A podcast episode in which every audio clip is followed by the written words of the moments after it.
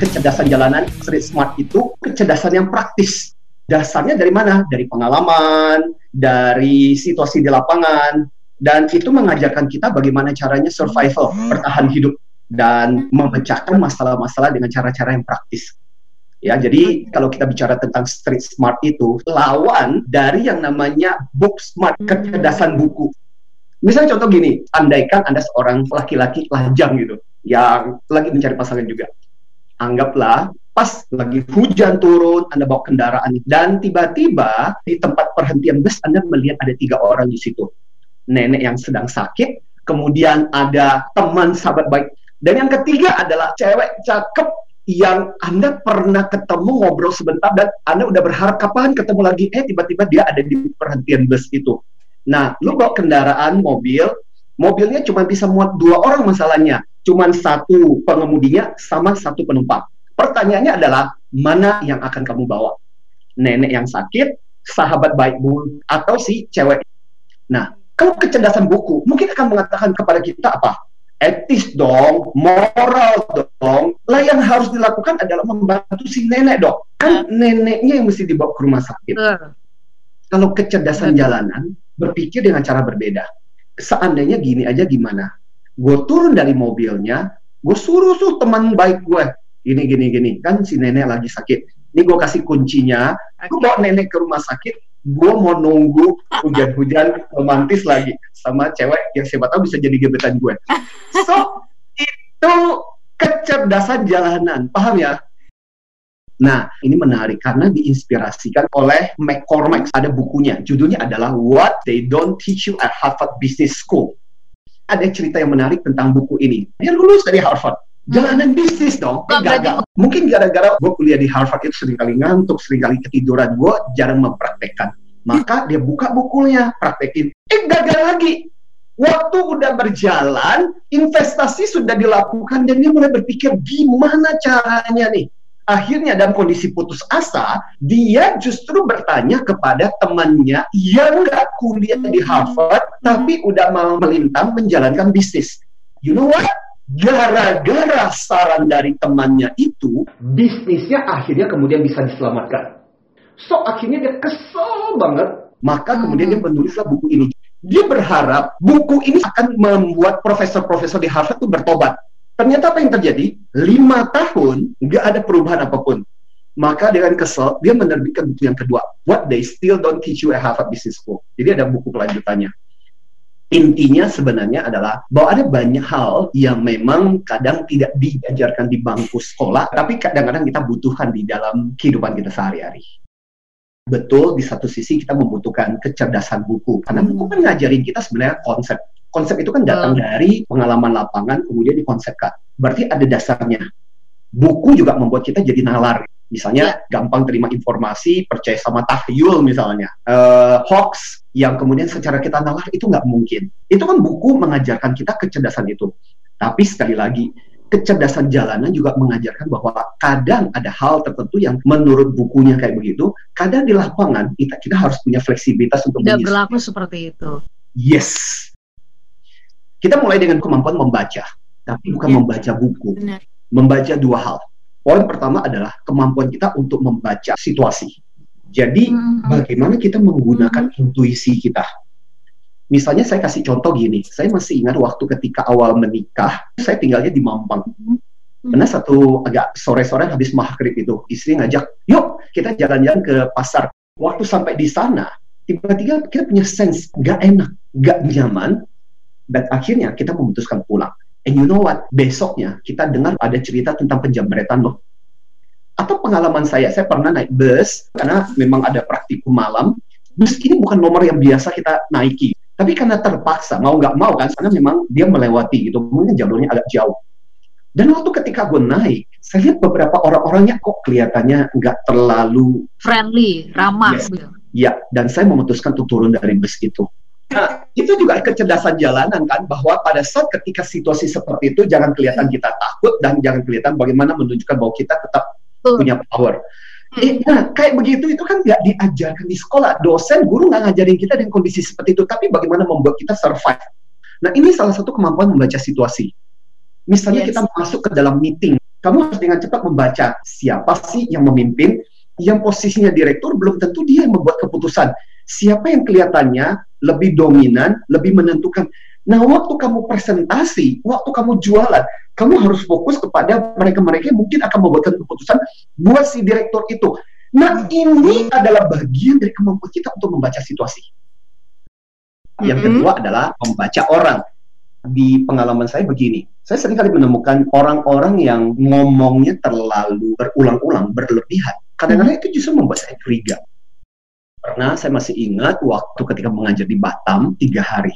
Si bapak ini terus menerus bilang, tahu nggak pak, teman-teman saya yang datang dari kota-kota lain mah tujuannya bukan mau belajar pak, tujuannya mah untuk pelesiran pak.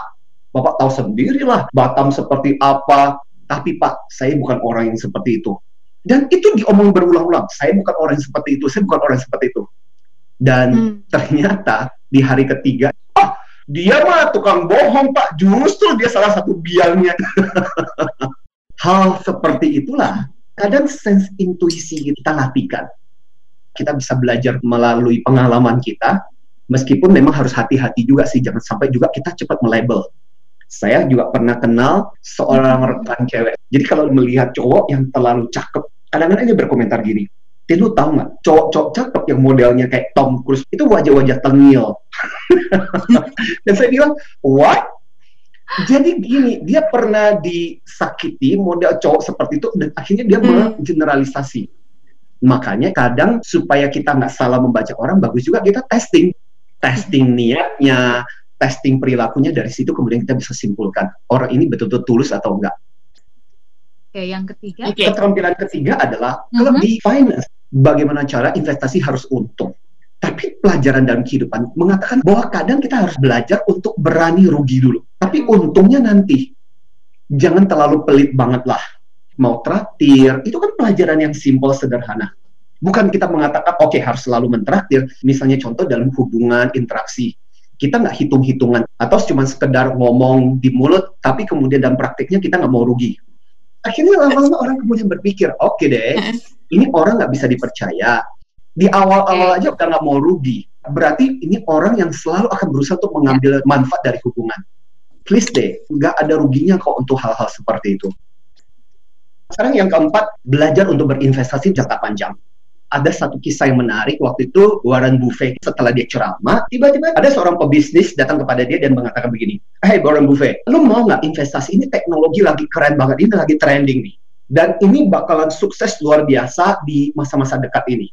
Tahu nggak apa yang dikatakan dan dijawab oleh Warren Buffett? Dia bilang begini You know what? Saya bukan orang yang terlalu tertarik banget ketika bicara tentang investasi untuk satu dua tahun investasi saya bagaimana ini tetap bisa langgeng, bisa kekal, bisa untuk paling enggak 10 tahun yang akan datang masih akan berjalan. Ternyata ya. benar, bisnis yang ditawarkan oleh si pebisnis itu kurang lebih 2-3 tahun, habis itu kemudian kolaps. Sebagai contoh, sekitar dua setengah tahun yang lalu, kita membentuk satu perusahaan alat kesehatan. Niat saya cuma karena I like ya. them, saya merasa nyaman bekerja sama dengan mereka, saya membaca mereka dan saya sudah kenal dengan karakter mereka dan saya merasa sayang banget kemudian saya berpikir, yay, why not? Waktu ketika kita start investasi itu, pemerintah mengeluarkan aturan tentang BPJS, pemerintah yeah. mengeluarkan aturan tentang e-katalog, jadi benar-benar dibatasi banget. Dan hey, kita nggak pernah menyangka justru investasi itu kita peroleh di masa-masa pandemi ini. Jadi artinya gini loh, selalu berpikir ketika invest, mungkin returnnya tidak sekarang, tapi kadang untuk jangka panjang. Kalau Dalai Lama bilang itu ada empat. Investasi untuk di atas, investasi kebaikan, karena itu tabungan ke surga. Investasi okay. yang kedua adalah kesehatan kita, supaya bisa melakukan berbagai aktivitas.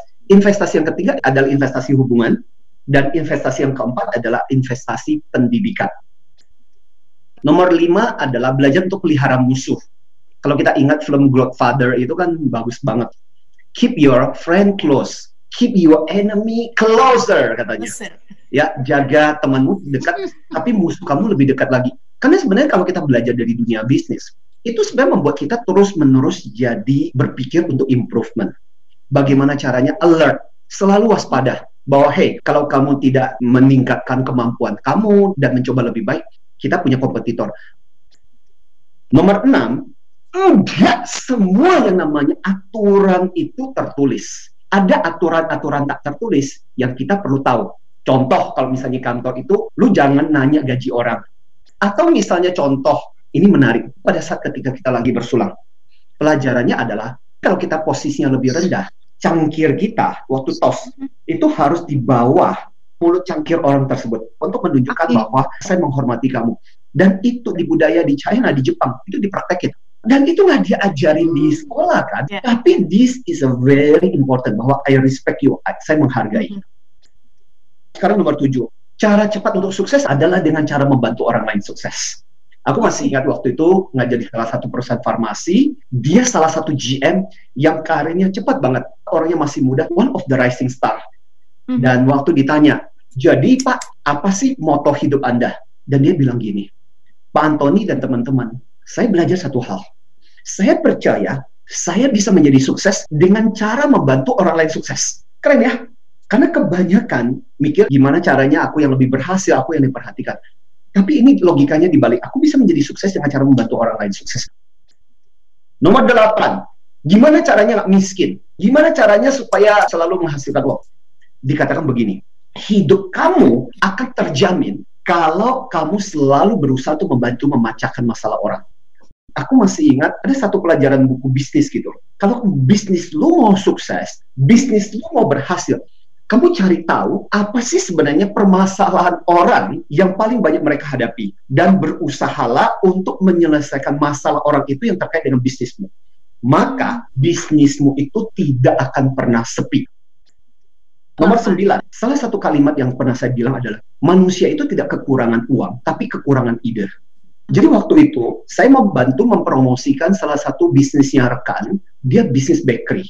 Salah satu idenya adalah dia keren banget. Kan banyak toko roti di mall yang kemudian kolaps, yang kemudian nggak bisa berjalan karena mall ditutup. Hmm, nah, dia betul, bekerja betul. sama dengan para tukang roti ini, bikin roti, tapi bukan merek dia. Dia nawarin, misalnya Mbak Tasya, Bora, mau bikin bakery nggak? Misalnya, bakery kue merek olah.